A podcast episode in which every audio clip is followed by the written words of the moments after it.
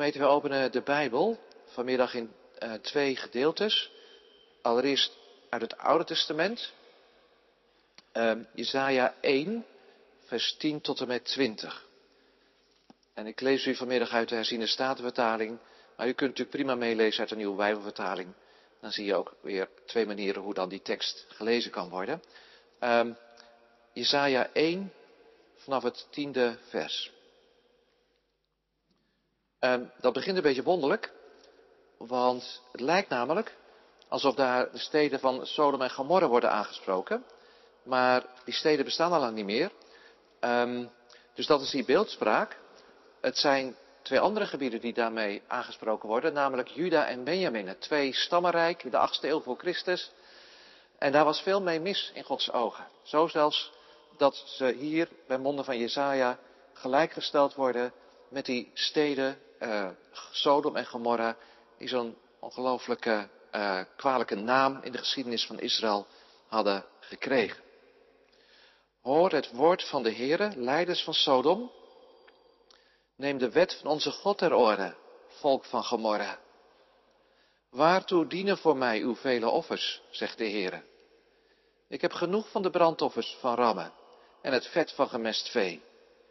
En in het bloed van jonge stieren, lammeren of bokken vind ik geen vreugde. Wanneer u komt om voor mijn aangezicht te verschijnen, wie heeft dat van u gevraagd? Dit platlopen van mijn voorhoofd. Breng niet langer nutteloze offers. Het reukwerk is mij een gruwel. Nieuwe maansdag en sabbat, het bijeenroepen van samenkomsten. Ik verdraag het niet. Het is onrecht. Zelfs de bijzondere samenkomsten. Uw nieuwe maansdagen, uw feestdagen haat ik met heel mijn ziel. Ze zijn me tot last. Ik ben het moe om ze te dragen. En wanneer u uw handen uitspreidt, verberg ik mijn ogen voor u. Ook wanneer u uw gebed vermeerdert, luister ik niet. Uw handen zitten vol bloed. Was u, reinig u. Doe uw slechte daden van voor mijn ogen weg. Hou op met kwaad doen. Leer goed te doen. Zoek het recht. Help de verdrukte. Doe de weesrecht. Bepleit de rechtszaak van de weduwe. Kom nu, laten we samen een rechtszaak voeren, zegt de Heer. Al waren uw zonden als scharlaken, bloedrood ze zullen wit worden als sneeuw. En al waren ze rood als karmozijn, ze zullen worden als witte wol. Als u gewillig bent en luistert, zult u het goede van het land eten. Maar als u weigert en ongehoorzaam bent, zult u door het zwaard gegeten worden. Want de mond van de Heere heeft gesproken. Tot zover dit gedeelte uit het Oude Testament, waar het dus eigenlijk gaat, zou je kunnen zeggen, over de verhouding tussen liturgie en levenswandel. Het dienen van God en de dagelijkse praktijk van onze handel en wandel. Daarover zegt Christus ook iets in de bergreden. Dat zijn een paar versen die we erbij lezen uit het Nieuwe Testament. Matthäus 5, vers 23 en 24. Heel kort stukje uit de bergreden, vers 23 en 24. Als u dan uw gave op het altaar offert in de tempel van God dus, en u zich daar herinnert dat uw broeder iets tegen u heeft, laat uw gave daar bij het altaar achter en ga heen, verzoen u eerst met uw broeder en kom dan terug en offer uw gave. Tot zover ook de lezing uit het Nieuwe Testament. Christus heeft gezegd, zalig zijn zij die het woord van God horen en het bewaren. Amen. In de verkondiging um, ga ik met name in op Jesaja 1, het gedeelte dat we gelezen hebben. Dat moet natuurlijk uitmonden in dat prachtige 18e vers, hè, eh, dat velen van u misschien ook wel zullen kennen. Um, al waren uw zonden als scharlaken, ze zullen wit worden als sneeuw. Al waren ze rood als karmozijn, ze zullen worden als witte wol. Een van de vroegste uitingen, misschien wel in de hele wereldgeschiedenis, van dat er vergeving mogelijk is. En aan de vooravond van hervormingsdag morgen laten we dat tot ons doordringen. Uh, hoe ver de genade van God reikt. Maar we kunnen dit vers natuurlijk alleen maar begrijpen vanuit het gedeelte wat eraan vooraf gaat en in het verband waarin het staat. Dus ik zal met u dat gedeelte min of meer op de voet af doornemen. Um, en dan komen we vanzelf bij het achttiende vers. En wat er ook nog verder volgt, terecht. Gemeente van Jezus Christus, u kunt er maar beter mee stoppen. Met naar de kerk gaan bedoel ik. En alles daaromheen. En als je, dat, als je dan toch per se naar de kerk wilt gaan, doe het dan vooral niet te vaak. Het heeft geen enkele zin om de deuren van de kerk plat te lopen. Daar kan je maar beter mee ophouden. En je inzetten voor de gemeente, je gaven offeren en zo, zodat het allemaal nog een beetje door kan blijven gaan. Dat hoef je ook niet langer te doen, want ook dat heeft niet zoveel zin. Sterker nog, zelfs met bidden kan je beter maar stoppen, want ook bidden doet er helemaal niet toe en het heeft geen zin om daarmee door te gaan. Stel dat dat de boodschap van de preek vanmiddag zou zijn. Ja, misschien als enkele jongeren het als muziek in de oren zou klinken, maar ik denk dat de meesten um, toch wel even zouden moeten slikken. Het gaat al zo moeizaam met de kerk. We zien al veel mensen vertrekken, um, de dienst van God zo te zien loslatend. En we maken ons al zorgen over de toekomst. Hoe moet dat straks allemaal verder gaan? Als er misschien nog wel minder mensen overblijven. Dus als dan zelfs de dominees de kerkverlating nog gaan stimuleren, waar blijven we dan? U kunt maar beter met bidden en met naar de kerk gaan stoppen, zei de dominee. Het moet ook niet gekker worden. Maar dat is dus wel wat, ik zeg nou maar even, dominee Jesaja tegen zijn gehoor moest zeggen. En ook daadwerkelijk gezegd heeft. Meteen al in het allereerste hoofdstuk van zijn boek. Deze boodschap moest hij brengen. En lees u dan, als u een bijbeltje bij zich hebt, eventueel maar gewoon even mee, want dan nemen we dat dus gewoon maar even door, hè, vanaf vers 11. Waartoe dienen voor mij hoeveel offers, zegt de Heer. Ik heb genoeg van al die brandoffers van rammen en het vet van gemest vee. En ik vind geen vreugde in het bloed van jonge stieren, lammeren en bokken. Met andere woorden, hè, alles wat je offert, wat je in mijn dienst brengt, uh, de gave die je geeft, stop daar maar mee, want waar dient het toe? vers 11. En dan vers 12 gaat het over de kerkgang, zal ik maar zeggen. Hè? Wanneer u komt om voor mijn aangezicht te verschijnen, wie heeft dit van u gevraagd? Dit platlopen van mijn voorhoofd. Nou ja, zeg. Dat had de Heere God toch zeker zelf gevraagd? Daar staat heel de Bijbel toch vol van dat we opgeroepen worden om samen te komen om de naam van de Heere God uh, groot te maken. Een paar weken geleden heb ik gepreekt over Psalm 100. Dat is nou zomaar een willekeurig voorbeeld. Waar, waar die oproep uitbundig eh, klinkt. Hè? Kom, nadert voor zijn aangezicht. Zingt hem een vrolijk lofgedicht. Ga tot zijn poorten in met lof. Met lofzang in zijn heilig hof, de hele Bijbel door, is het toch God zelf die ons oproept om samen te komen. Om hem te prijzen en om zijn dienst gestalte te geven. En dan nu dit. Wie heeft dat van u gevraagd? Hoe kan de Heer God dat nu zeggen? Stop er maar mee. Ook met die hele zantekraam van terugkerende feesten en zo. Sabbatten, nieuwe maanddagen en andere mooie feesten. Het heeft geen enkele zin dat jullie die vieren, zegt God. En wij zouden zeggen kerst, Pasen, Pinksteren, Dankdag straks weer. Stop er maar mee. Sterker nog, ik haat het met heel mijn ziel. Vers 14. Die bijeenkomsten van jullie, die zijn mij tot last. Ik ben het moe om ze te dragen. Dat is ongelooflijk heftige taalgemeente, toch? En dan komt vers 15 er nog overheen. Dat derde. Niet alleen het offeren en de kerkgang, Maar ook het gebed wordt door Jezaja onder kritiek gesteld. En dat komt misschien nog wel het hardst binnen.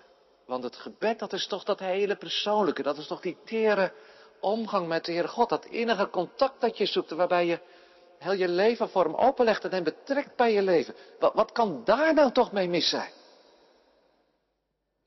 We worden toch niet voor niets opgeroepen om, om al onze verlangens met bidden en smeek voortdurend bekend te maken bij God. Ook daar staat de Bijbel toch vol van? Nee, zegt Jezaja, niet doen. Gewoon niet meer doen. Heeft geen enkele zin.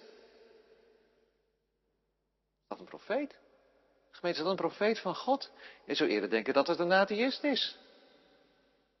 Die, die, die bijten het ons ook vaak cynisch toe, toch? Wat heeft al dat bidden en dat platlopen van die kerk en zo, wat heeft dat nou allemaal voor zin? Je merkt toch zelf ook wat dat dat iets uitmaakt? Hoeveel decennia wordt er nu al gebeden om vrede tussen Israëli's en Palestijnen? En, en het gaat maar door en het zit nog steeds muurvast en het wordt alleen maar erger in plaats van dat het beter wordt. Je merkt toch wel dat al dat bidden dus geen enkele zin heeft dat je er beter mee kan stoppen. Dat zijn die stemmen die soms ook wel in je eigen hoofd klinken. Is dan zomaar één voorbeeld. Maar het is hier geen atheïst die het zegt, gemeente. Het is wel degelijk een profeet van God. Het is ten diepste niemand minder dan God zelf die het zegt. Bid maar niet meer. Want als je je handen uitspreidt, dat is vers 15, en dat, zo werd er natuurlijk in die tijd uh, gebeden. De gebedshouding was met opgeven handen. Dus als je dat doet, zegt God, dan uh, verberg ik mijn ogen voor je. Ik kijk er gewoon niet naar. En, en zelfs wanneer je je gebed vermeerdert, dan luister ik niet. Dat laatste is helemaal schrijnend. Kijk, je hebt nog wel eens van die gebeden die je een beetje gedachteloos zo opzegt, hè, met vastgekozen, vaste uh, woorden volgens een vast tramien, waar je niet zo, zo, zo met je gedachten bij bent. En dan, dan kunnen we ons nog wel voorstellen dat God zegt, nou ja, daar ben ik eigenlijk niet zo van gediend. Maar het gaat hier dus ook om intens bidden. Wanneer je het vermeerdert, wanneer je je nog extra inspant om de Heere God te bereiken met je woorden. Nou, daar ben je niet hypocriet bezig, hè? Nee, dan, dan gaat het je er echt om. Dan nog, luister ik niet, zegt God.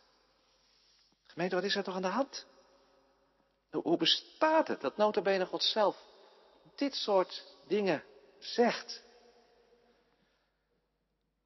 Nou ja, daar hoefde ik bij de voorbereiding hoefde ik, maar nauwelijks studie naar te doen. Daar hoef je ook helemaal geen grondtalen voor te kennen of zo. Want staat er gewoon bij. Klip en klaar, hè? In rond Hollands eigenlijk. Wat jullie doen is onrecht, zegt God. Vers 13. Want jullie handen zitten vol bloed. En dat is natuurlijk niet letterlijk bedoeld. Als je in het neurodiverse spectrum verkeert, dan zou je dat kunnen denken. Maar dat is dus beeldspraak. En dat wil zeggen, jullie hebben slachtoffers gemaakt. En als jullie je handen opheffen om tot mij te bidden, dan is dus het eerste wat ik vanuit de hemel zie, dat is dat bloed dat aan jullie handen kleeft. Dan moet ik meteen denken aan die slachtoffers die jullie gemaakt hebben. Wat voor slachtoffers waren dat dan? Nou, ook daar hoeven we niet lang naar te zoeken. Vers 16, daar kunnen we het uit opmaken. Zoek het recht, help de verdrukte, doe de wees recht, bepleit de rechtszaak van de weduwe. Um, de nieuwe Bijbelvertaling heeft nog iets anders daar, geloof ik. Hè? Dus, dus uh, tirannen niet. Nou, dat gebeurde blijkbaar allemaal dus wel.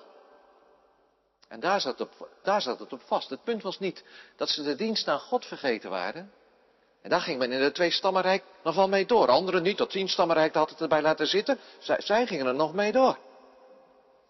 Die eerste tafel van de wet stond hoog aangeschreven, maar punt zat eigenlijk vast op die tweede tafel van de wet, waar onze verhouding tot de naaste in geregeld wordt. En daar legt Jesaja de vinger bij, bij wat we noemen het sociale onrecht in Israël. Dat heeft de toorn, de woede van de Heere God opgeroepen. De onwil om rechtvaardig met elkaar om te gaan en om mensen in de verdrukking echt te helpen. En in plaats daarvan dacht men alleen maar aan het vergroten van de eigen welvaart. Denk aan een koning Agap, hè, dat staan wel uit het tien stammenrijk, dus geografisch iets anders, maar de patronen zijn hetzelfde.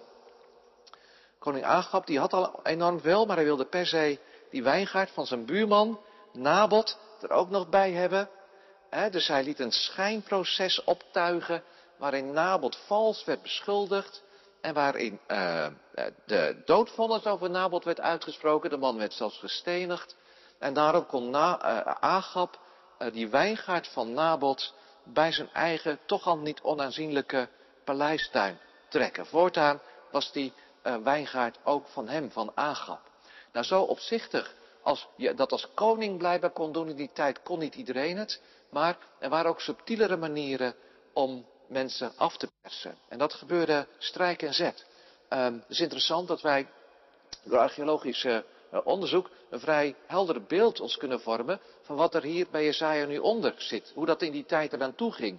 En dan, dan weten we dus dat het een tijd was van toenemende welvaart, waarbij um, met name de export ook belangrijk was geworden. Export van gewassen. En uh, grote, die exportbedrijven die waren opgericht, die stimuleerden de boeren om over te gaan op monocultuur. Dus dat wil zeggen op het uh, kweken van één soort gewas, wat dan heel veel kan opleveren in de export. Die boeren waren gewend om meerdere gewassen tegelijkertijd te uh, kweken, zodat ze echt zichzelf goed konden onderhouden. Maar ze werden dus geprest om over te gaan op dat ene gewas. En dat kon natuurlijk een prachtige opbrengst opleveren als de oogst goed was. Uh, dan verdiende je goed. Maar als er een misoogst was, dan had je niets op, op terug te vallen. Dan waren er niet andere gewassen die alsnog hun vruchten gaven. Dus dan had je een jaar lang helemaal niets. En als dat twee keer achter elkaar gebeurde in korte tijd, dan kon je zomaar tot armoede vervallen. En dat gebeurde dus ook aan de lopende band in Israël. En jouw bedrijfje, dat werd dan opgekocht door een van die exportbedrijven. Dan kon je daar gewoon blijven werken, maar dan niet meer als eigenaar, maar als schuldslaaf. En vaak tegen een hongerloontje.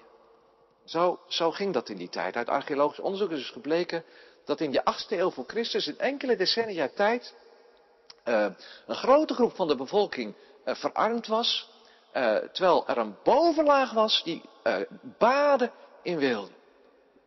Nou, nou, daar heeft Jezaja het hier over.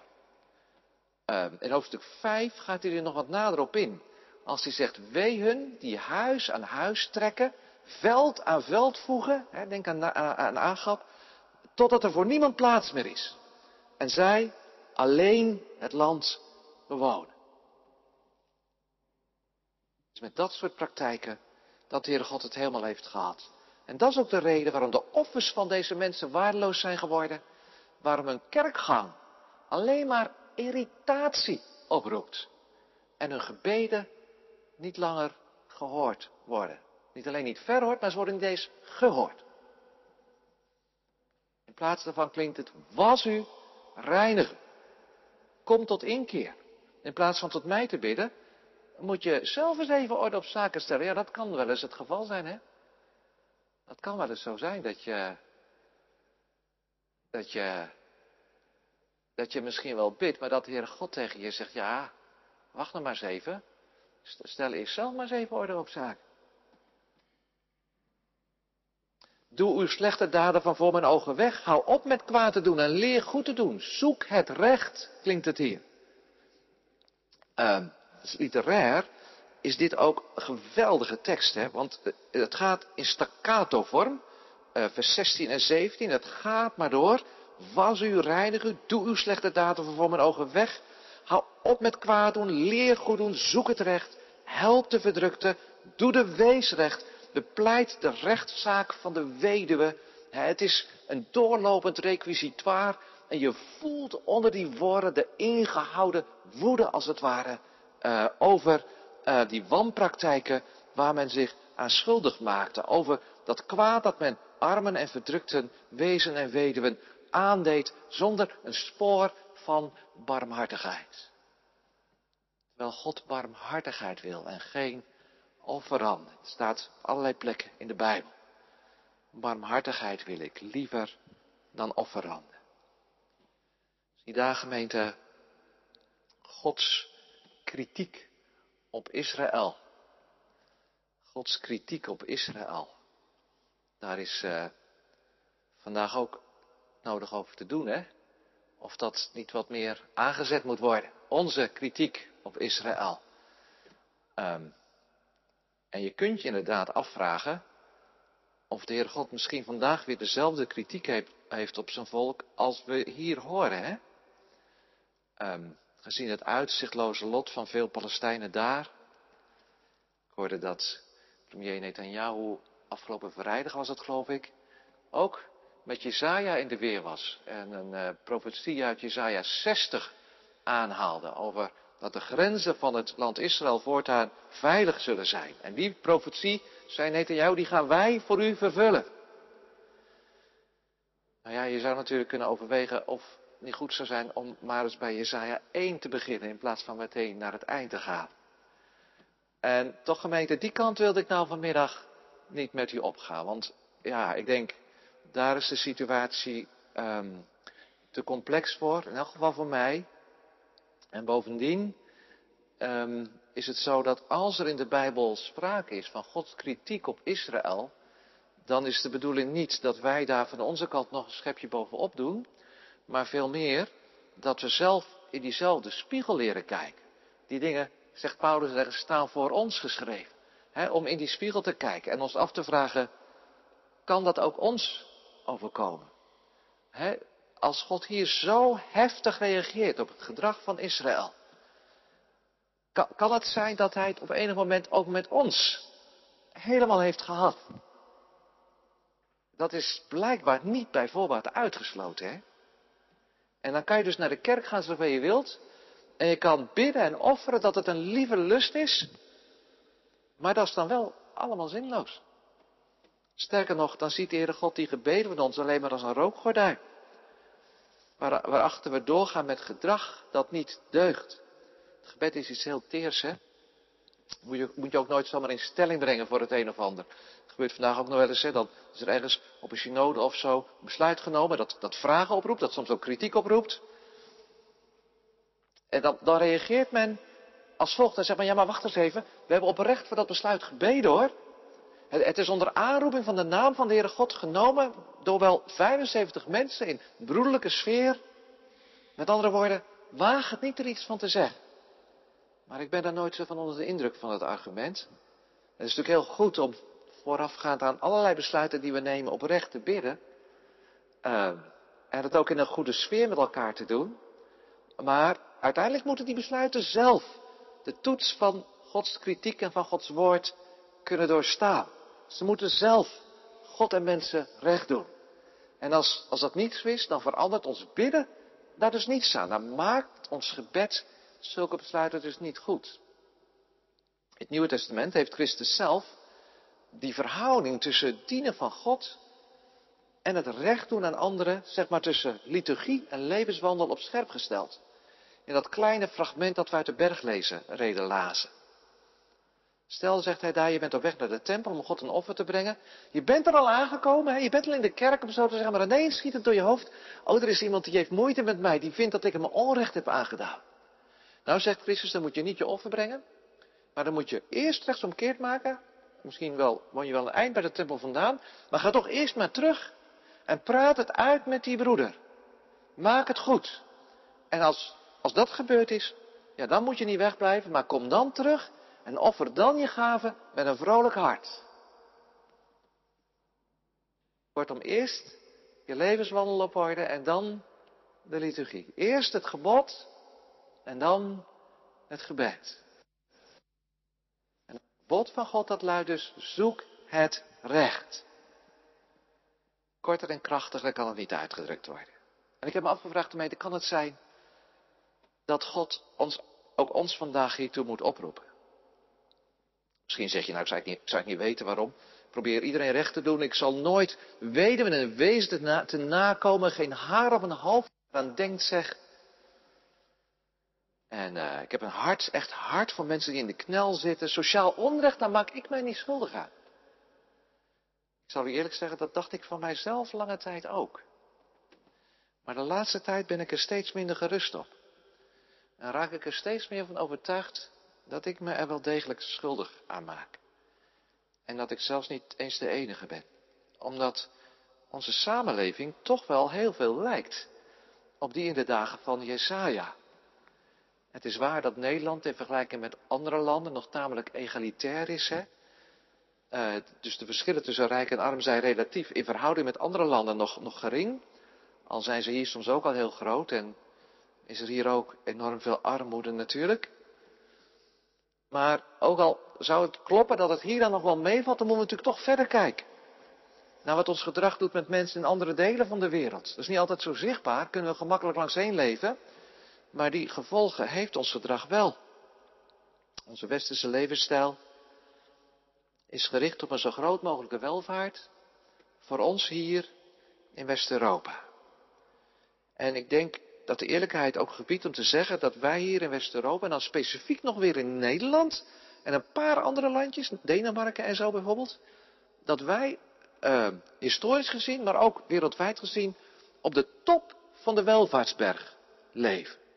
Nergens in de wereld uh, is het ooit zo goed geweest, is het nu zo goed als, als bij ons. En het is eigenlijk dus helemaal geen wonder dat zo enorm veel mensen vanuit Azië en Afrika ook zo ontzettend graag bij ons willen binnenkomen. Hè? Maar hoe komen we eigenlijk aan al die rijkdom? Ja, daar wordt natuurlijk steeds meer over duidelijk. Neem nou alleen maar even onze, ik ga niet overal alweer, maar alleen maar even onze kleding. De kleren die u en ik op dit moment dragen. Ja, waar is die gemaakt? Willen we dat eigenlijk wel weten?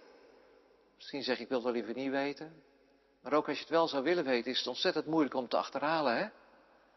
Maar het is best een redelijke kans dat de kleding die wij nu aan ons lijf hebben, ergens in Bangladesh door kinderen tegen een hongerloon gemaakt is, die urenlang op een dag door moeten werken. Gewoon omdat wij hier dat aan hen uitbesteden, omdat we er graag zo min mogelijk voor willen betalen. En hetzelfde geldt voor allerlei spullen die we kopen, die we vaak helemaal niet nodig hebben, die we, die we wel laten aanrukken met bakken vol uit China en zo, hè. Met alle milieuvervuiling van dien ook. Een milieuvervuiling die volgens veel mensen weer tot klimaatverandering leidt. En klimaatverandering leidt er weer toe dat mensen in de derde wereld hun vee niet meer kunnen onderhouden. Uh, en dus een bestaansbodem kwijtraken. En dus gaan emigreren. Alles staat met alles samen, hè? Elke liter benzine, ik heb ook een benzineauto, elke liter benzine die ik verbrand, draagt er aan bij. Klein beetje maar natuurlijk, maar toch, draagt er wel aan bij. En mensen aan de andere kant van de wereld die toch al zoveel minder hebben als wij, die zijn er de dupe van. Vaak worden ze trouwens nog steeds, hè, dat ze hier in de tijd van Jezaja uitgekocht door van die grote uh, westerse exportbedrijven, die er juist naartoe gaan omdat ze hun werknemers daar uh, een mooi laag loon kunnen geven. Er zijn immers geen wetten die een fatsoenlijk minimumloon regelen.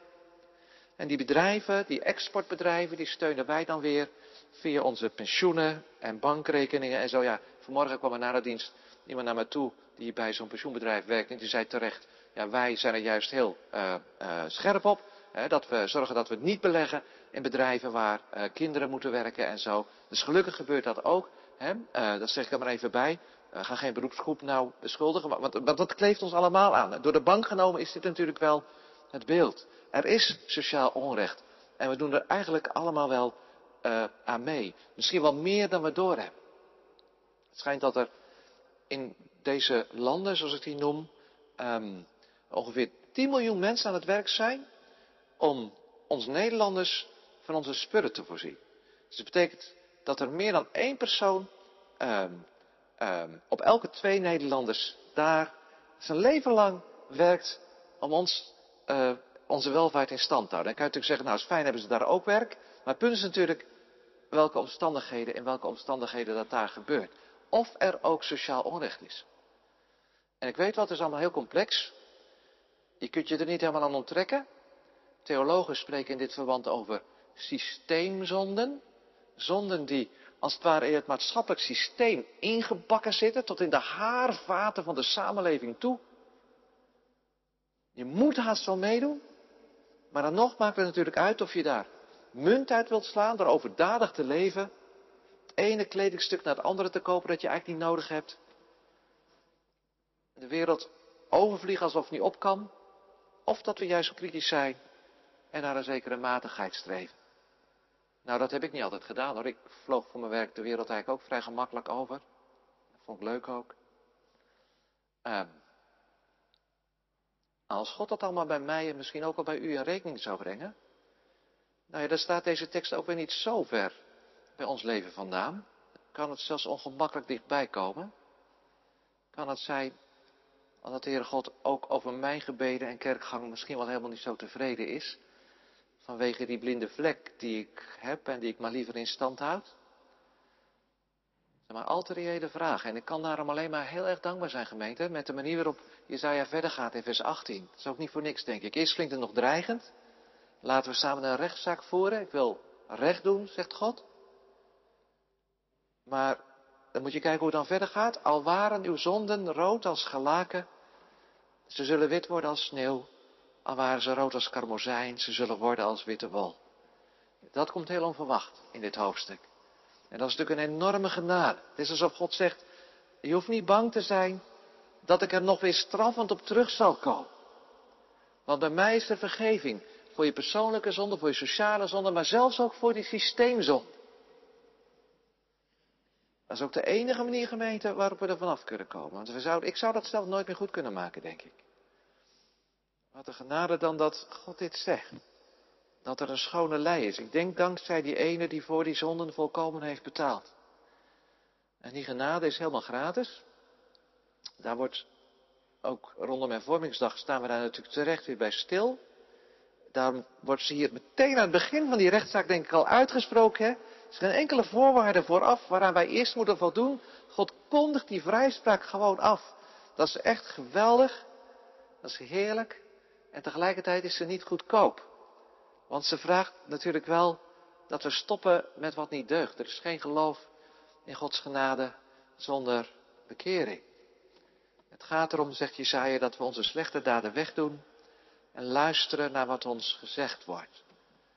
Zoek het recht. Ja, dat gaat dus niet helemaal vanzelf, hè? Er zit dat woord zoeken, daar zit dus een zoektocht in. Het ligt niet altijd voor het oprapen, wat recht is en wat krom is. Je moet er ook wel naar zoeken. Daarom komen we denk ik als gemeente ook elke week bij elkaar. Om samen ook daar verder in te komen. Dat zoeken naar wat recht is. In het leren, dat wordt het ook gebruikt. Leer goed te doen. Hè? Leren wat, wat goed is. Dat, heeft, ja, dat is een levenslang proces, denk ik. Maar daar zullen we uiteindelijk dus zelf wel wel bij varen. Dat is de paradox van het evangelie. Als je denkt, ik moet mezelf in het leven houden, ik moet grijpen wat ik maar krijgen kan, dan zou je het verliezen. Staat in de laatste versen van dit gedeelte. Maar juist als je luistert naar wat God zegt en je laat oproepen tot die levenshouding van soberheid en matigheid, dan zul je het goed krijgen, zegt God. als je gewillig bent, zal je het goede van het land eten, maar als je weigert en ongehoorzaam bent, dan zul je juist gegeten worden door het zwaard. Ja, dan komen die volken uit Azië en Afrika misschien wel een keer echt in opstand. En dan komen ze misschien wel een keer met miljoenen aanzetten over de Middellandse Zee, zodat er echt geen houden meer aan is om zich te wreken om ons. Er zijn helemaal geen ondenkbeeldige scenario's. De mond van de Heer heeft het gesproken, staat er nog bij. Het gaat hier blijkbaar maar niet om een mening van mensen. Het is God zelf die hier aan het woord is. Zijn vergeving is dus bedoeld om aan te zetten tot die nieuwe levenswand. En hoe ziet die er dan uit? Ja, we kunnen ons inderdaad niet uit de wereld terugtrekken. Maar ik denk, we kunnen wel leren om eenvoudig te leven. Um, ik denk zoals onze grootouders dat konden. Als je nou eens even terugdenkt aan je opa en oma, bijvoorbeeld. Hè, die hoeven volgens mij niet twee keer per jaar of nog vaker met het vliegtuig naar het buitenland op vakantie om gelukkig te zijn. Die konden met minder toe, denk ik, en waren toch wel gelukkig. Um, die stopten hun sokken nog. Ja, ik, ik doe het zelf ook niet hoor. Maar dat is natuurlijk wel een hele andere mentaliteit, hè? Dan dat je als iets eventjes kapot is, meteen het weggooit en weer iets nieuws koopt. Daarvoor in de plaats. Die wantrouwde luxe.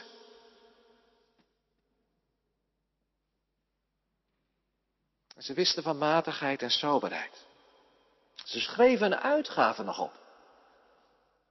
He, dat was ook wel nodig, denk ik, maar het hielp ook wel om je te realiseren, ja, waar, waar geef ik mijn geld nou precies aan uit? Het hielp om er toch wel bewust mee om te gaan natuurlijk. Nou, ik denk dat het misschien wel de weg, die weg van minder uh, overdaad en van meer soberheid, die de Heer God ons ook via dit gedeelte wijst. Minder consumeren. Gaan we daar de wereld mee redden? Nee. Kan ik u bijvoorbeeld op een briefje geven? Dat gaat ons niet lukken. Maar dat is de bedoeling ook niet. Daar is al iemand anders voor gekomen, die dat veel beter kan dan wij en die dit ook echt wel zal afmaken. Dat is de Heer Jezus Christus. En voor ons gaat het er alleen maar om dat we als zijn discipelen leren leven. Door het recht te zoeken en door leren goed te doen. Het is een levenslang proces. Maar hoe meer daar ernst mee maakt, hoe minder je bang hoeft te zijn voor dit scenario van Jezaja 1. Want dan hoef je er dus niet over in te zitten of God jouw gebed wel wil horen. En hoef je geen seconde bang te zijn of God wel blij is met je inzet voor kerk en gemeente. Nee, dan mag je je hart ophalen aan de liturgie. En met vreugde in het huis des Heren gaan. Om daar met lof Gods grote naam te danken. Amen.